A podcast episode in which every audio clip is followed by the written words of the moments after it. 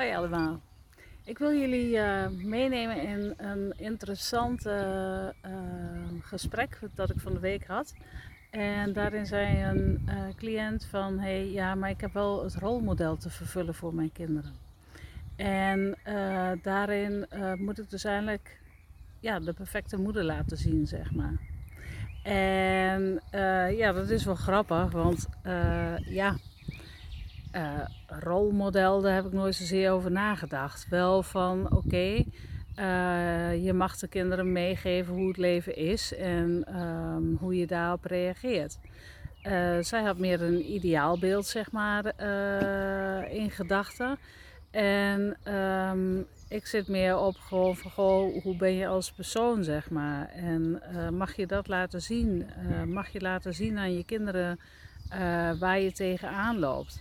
De een zal zeggen ja, maar dan belast je ze met uh, uh, de zwaarte van het leven al. En uh, ja, uh, daar hebben kinderen nog niks mee van doen. En die mogen eigenlijk meer ervaren hoe zorgeloos het allemaal is. Dat wil je zo zorgeloze mogelijke jeugd meegeven. Maar ehm, ja, in hoeverre uh, werkt dat ook altijd zo? En zitten we onszelf dan niet ontzettend in de weg uh, met uh, te willen voldoen aan een bepaald ideaalbeeld, zeg maar. Um, ja, dus die, die is dan wel lastig, zeg maar, om, om in te laten zien. Um, ook zullen je kinderen bepaalde soort van pijn meemaken door ervaringen die ze opdoen, zeg maar, in het leven. En um, ja, dat is niet erg. Eh, ja, natuurlijk wil je ze het liefst alle pijn besparen, maar de dingetjes die ze al meemaken en waarin jij ze nog kunt begeleiden en um, kunt um, helpen in, in diverse situaties door inzicht te geven, door te ondersteunen, door letterlijk achter hen te staan, zeg maar, als ondersteuning. Um, dan kunnen ze ervaren hoe je daarmee omgaat. En later in hun leven zullen ze sowieso situaties tegenkomen die pijn doen. Dat kun je helaas niet voorkomen. En uh, ja, dat willen we wel graag, maar dat gaat niet zo werken. Um, bij ons is de situatie zo geweest dat we toen de jongste geboren was, dat we uh, na drieënhalve week twee maanden lang in het ziekenhuis hebben gezeten. We konden het helaas niet aan om daar alleen naartoe te gaan, dus de andere twee moesten uitbesteed worden. Gelukkig had de oudste ging al naar school. Uh, de andere had wel de speelzaal al. Um, en daarnaast uh, moesten we zorgen voor opvang, zeg maar. Dus veel werd dit door familie gelukkig gedaan, zeg maar. Door ouders, door vrienden, bekenden. En uh, dat was wel heel fijn. Maar in die tijd hebben we hun tekort gedaan. Dat is gewoon een feit. En dat hebben we ook altijd erkend. We hebben dat ook aan hun aangegeven later. Van ja, we hadden dat graag anders willen doen. En, uh, maar dat kon gewoon niet. Dat konden we zelf niet aan. Daar waren we er zelf aan onderdoor gegaan. En um, ja, door die ruimte daar ook weer aan te geven, uh, zul je ook merken dat er uh, ruimte in ontstaat, ook voor hun, om daar last van te kunnen hebben, zeg maar. Daar hadden ze ook best last van. En dat kwam uh, uiteindelijk er ook best wel uit.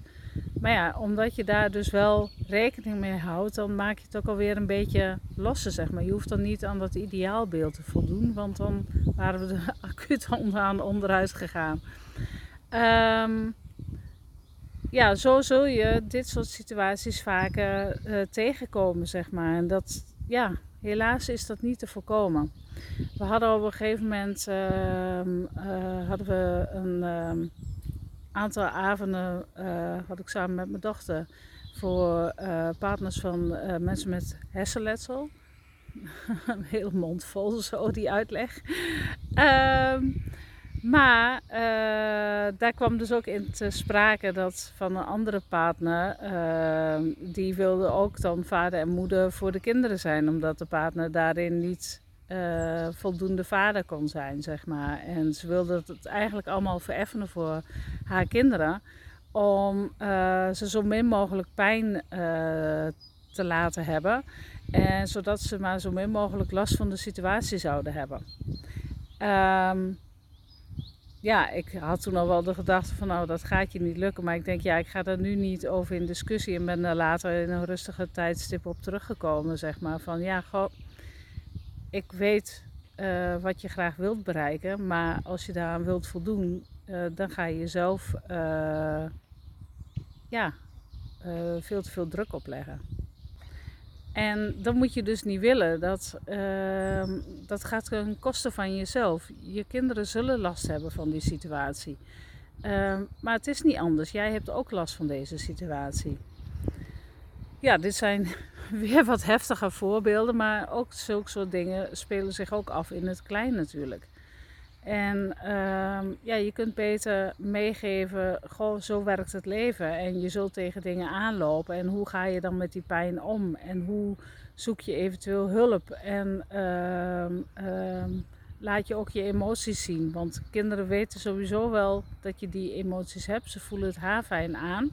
En als jij daarnaast uh, een stralend gezicht vertoont en onderliggend zit er ontzettend veel emotie, dan is dat voor een kind lastiger dan om jou een keer te zien huilen. Want huilen hoort er nou eenmaal ook bij. En je mag laten zien dat je emoties hebt en hoe je daar dan mee omgaat. En dat je daarin ook gewoon hulp mag zoeken of ondersteuning mag zoeken. Hoe waardevol is het om dingen met je kinderen te delen en over en weer die steun te geven, zeg maar.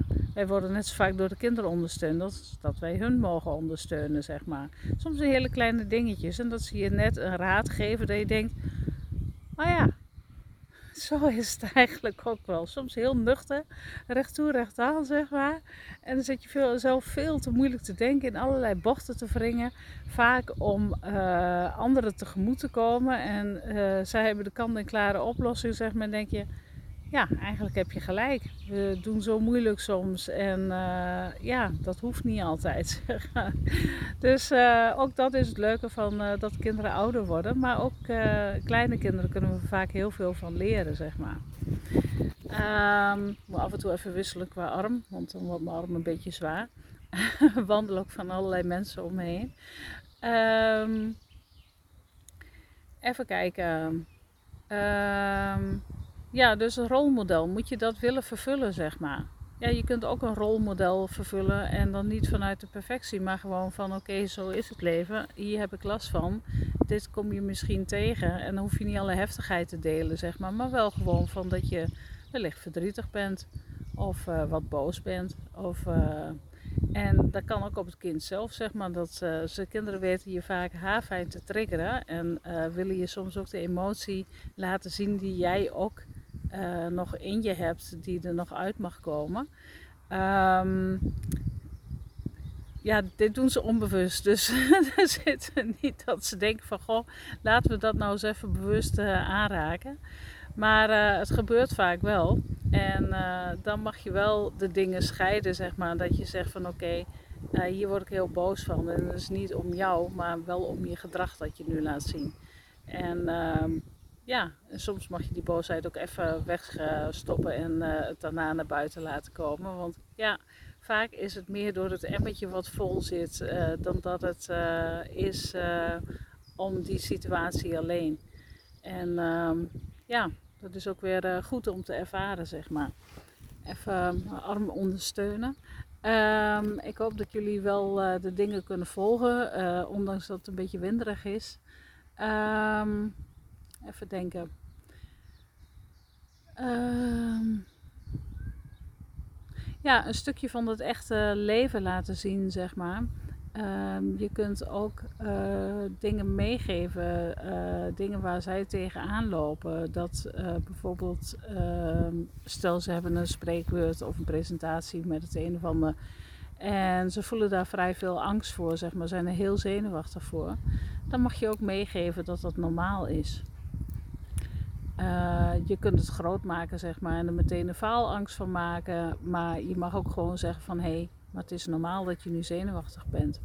En het is normaal uh, dat je uh, een bepaalde angst voelt, zeg maar. En dat je buikpijn doet van tevoren. En ehm, dat je soms allerlei lichamelijke reacties hebt om ja, die presentatie eigenlijk maar niet te kunnen doen. Maar daarbij de ondersteuning geven van goh, je kunt even dit of dat doen, zodat je beter met je beide voetjes op de grond staat. Of uh, ja, dingen even je energie wat beschermen tegen alle indrukken van buitenaf. Of uh, ja, gewoon allerlei tips zo meegeven om die aarding ook uh, steviger te maken. En eh, te laten zien van goh, zo kun je met dingen omgaan. En ook laten merken dat als je bepaalde dingen doet die je wel spannend vindt, dat je daardoor enorm groeit. Dus dat je daardoor veel sterker wordt. En vooral als je zo'n ervaring dan ook stevig in je energie zet. Van zo, het is toch gelukt en het ging eigenlijk best goed. En ook al ging het begin misschien niet zo goed, ja, nou dat kan. En dan mogen we op oefenen, zeg maar. En ehm, ja, dat je op zo'n manier ook een bepaalde rol kunt spelen. En dan ben je uh, misschien niet altijd het perfecte voorbeeld, zeg maar. Maar je kunt wel die ondersteuning uh, bieden uh, in de hele opvoeding en laten zien ja, zo is het leven, zo werkt het. En ook al weten we zelf ook nog niet altijd alles, gelukkig maar. en mogen we zelf ook nog heel veel ontdekken. En deel het ook als je zelf dingen spannend vindt. Ook daarin kun je dan vaak heel mooi die ondersteuning van hun kant uitkrijgen, zeg maar. En uh, ja, maar zo leer je dus wel dat het er gewoon bij hoort. Vaak is het uh, als ik nieuwe cliënten zeg van goh ja, maar dit of dat is gewoon normaal. Dan zie je gewoon dat er heel veel ballast afvalt, zeg maar. Dat van, oh, hebben meer mensen dat? En, goh, dat wist ik helemaal niet. En ehm, ja, pijn in de buik, waar komt dat vandaan, zeg maar? En is dat een oerreactie? En waarom vinden we het lastig als we buitengesloten worden? En ehm, ja, er zitten zoveel facetten in die iedereen eigenlijk ervaart. En waarbij bepaalde oerreacties van ons hele systeem in zitten, zeg maar.